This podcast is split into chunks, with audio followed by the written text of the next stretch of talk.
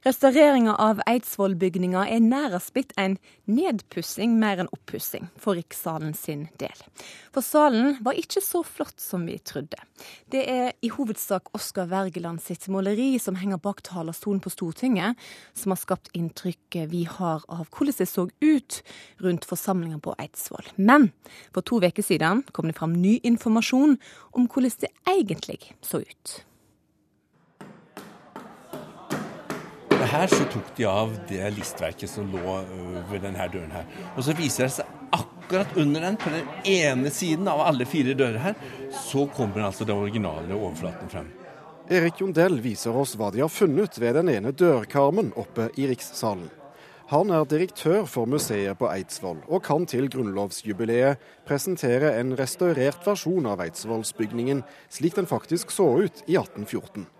Og Det er en veldig sånn enkel lim, hvit limfarge. og så er det, er det altså stenkmalt. Det er prikker uh, i, en grå nyans og en uh, rød nyans her, som da danner et helt spesielt liv på disse veggene. Ganske enkelt eller simpelt til og med? Veldig enkelt, og det bærer jo preg av at her dekorerer vi fort. Fordi at denne rikssalen skal settes i stand eh, bare i løpet av noen uker. For selv i 1814 holdt eieren av Eidsvoll Verk på med oppussing. Og det som skulle bli rikssalen var langt fra ferdig da bygningen ble inntatt for å forfatte ny grunnlov. Veggene var altså bare bjelker og planker med enkel maling. Det var ingen innredning og ingen lister.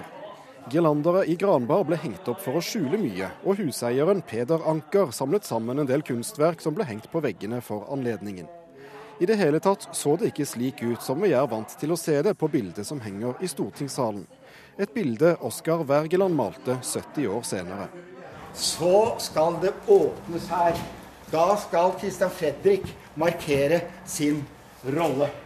Og hvordan gjør man det? Jo, man innreder denne salen ikke til en forhandlingssal, men til en tronsal for Christian Fredrik.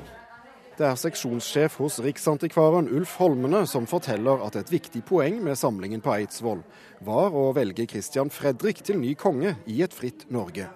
Og han ble valgt på 17. mai, mens Grunnloven først ble signert 18. mai. Derfor er rommet innredet som tronsal heller enn et forhandlingsrom for ny grunnlov.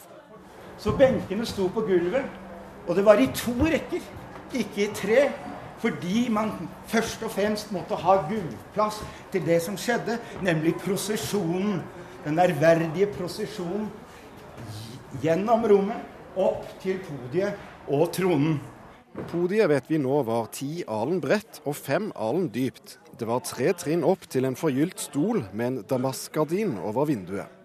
Ingen av benkene var bygget opp slik de er hos Oskar Wergeland, for ingen skulle sitte på høyde med regenten. Dette er ny informasjon som Ulf Holmene oppdaget for bare to uker siden, i et brev av riksråd Jonas Collett, som var til stede. Jo, han dro tilbake til Kristiania to dager senere. Så skriver han brev til sin hustru om den store han har vært med på. Forklarer jo hva som skjedde her. Det er han som beskriver denne prosesjonen. Det er han som beskriver hvem som går opp i hvilken rekkefølge. Og så beskriver han rommet. Arbeidene pågår fortsatt på Eidsvoll. Først 16.2 neste år åpnes det for publikum.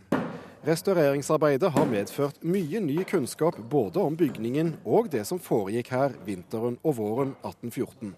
Kunnskap alle medarbeiderne til Erik Jondell må lære seg før åpningen. Å oh, ja, ja. Vi må kurses alle sammen, tror jeg. Her eh, med nye opplegg og, eh, som det blir seende ute i første etasjen. Og ikke minst nede i kjelleren, da, som eh, blir et eh, tilskudd til huset som alle, alle er veldig opptatt av. Og reporter på Eidsvoll, det var Thomas Alverstein Ove. Bård Frydenlund, du er forsker ved Universitetet i Oslo eh, sitt institutt for arkeologi, konservering og historie. Og du skriver ei bok om 1814. Boka den har arbeidstittel 'Spill om Norge'. Bildet av Oskar Wergeland er rett og slett en liten historieforfalskning. Det er vi blitt lurt? Nei, altså det, vel, det ligger vel i alle typer portretter og malerier og den type ting at man må forskjønne litt av sannheten for å få fram et, et mer, en, en, entusiasme rundt det som på en måte skal eh, vises av i bildet. Så det er nok eh, innenfor hva man kan si er godtagbar forskjønningsteknikk som har gjort det sånn, tror jeg. Men er det sånn at 1814 er gjengitt korrekt i kunsten opp gjennom åra? Eller er det forskjønna? Pynta på? Det spørs litt ut ifra den politiske eller samtidsmessige konteksten det er satt i. Altså Hvis, hvis 1814 eh, og det som skjedde der har en stor betydning, altså f.eks. under nasjonsbyggingen på seint på 1800-tallet, eller under krigen eller i etterkant av krigen og oppbyggingen av landet, da er det viktig å vise at dette var norsk, dette står for noe norsk, og det, på en måte, det, var, det viser noe om det norske folk. Og da var det viktig også å gi det en viss, ja, et drag av forskjønnelse vil jeg også. Mm. Du, du, er med i et forskningsprosjekt eh, der dere ser nærmere på, på 1814. Noe av det dere ser på er hvordan politikere, historikere og kulturarbeidere eh, har brukt 1814 til å skape det dere kaller en slags eh, mystisk forståelse av dette året. På hvilken måte mystisk? Ja, nei, altså Mystisk, kanskje mytisk mer enn mystisk. Mm. Eh, altså Det er jo eh, opp igjennom helt, helt siden eidsvollsmennene selv satt og skrev, så, mm. så, så, dannet det seg myter, særlig om hvem som på en måte hadde mest innflytelse på det som skjedde på Eidsvoll under riksforsamlingen. Hvem sa hva, og, og hva fikk gjennomslagskraft i det hele. Og så kan man si da at også, også visse, visse, begreper som vi da senere har, har, tatt opp som del av det som skjedde på riksforsamlingen, som, som f.eks. demokrati, hadde stor betydning. Det er nok en, en liten erindringsforskyvning. fordi begrepet demokrati det ble egentlig uh, assosiert med pøbelvelde. Det var noe negativt på den tiden. der sånn. Så det at vi fikk et, et demokratisk Norge på VIPS 17., 18., 19. mai, det, mm. det, er en, det, er en, av disse mytene da, som man har. Mm. For, det, alt, går jo, alt, går jo, gradvis her. altså Dette baserte seg på eneveldets gamle tradisjoner, så, så, vi fikk ikke noe demokrati over natta. Hvordan har maktpersoner og kunstnere brukt 1814 til sin fordel?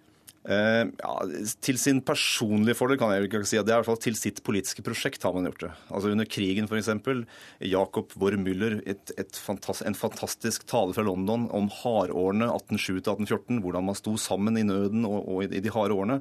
For nettopp å gjenspeile den, den, situasjonen man var inne i under andre verdenskrig. Så det er, det er direkte man, man overfører de idealene man trodde man sto for på den tiden, inn i den politiske settingen i den samtida man er i. Nå har vi skjønt at det er litt sånn eh, forfining på dette her bildet. Hvordan, hvordan var det egentlig i eh, Norge i 1814? I 1814 så var det eh, tøft nok. Var, I Norge så hadde man ikke selvforsyning på korn. Man var veldig avhengig av import eller, eller, eller overføring fra Jylland, Danmark, og fra Sverige. Og, og, disse problemene kom da når vi var en del av napoleonskrigene, og vår konge, kong Fredrik, han var alliert med Napoleon. Og det gjorde at vi fikk en forferdelig blokade gjennom eh, Skagerrak og, og Kattegat, som da ødela den kornforsyningen. Så det var veldig utsatt. Nå kan du si at Den norske befolkning var ganske alfabeti altså høy alfabetiseringsgrad. Vi var mange som kunne lese og skrive eh, ut ifra altså relativt sett.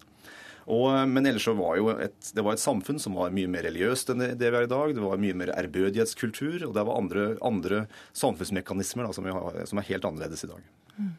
Nå hørte vi her i reportasjen at det var et voldsomt engasjement for de her eh, den nye, den nye informasjonen som har dukka opp.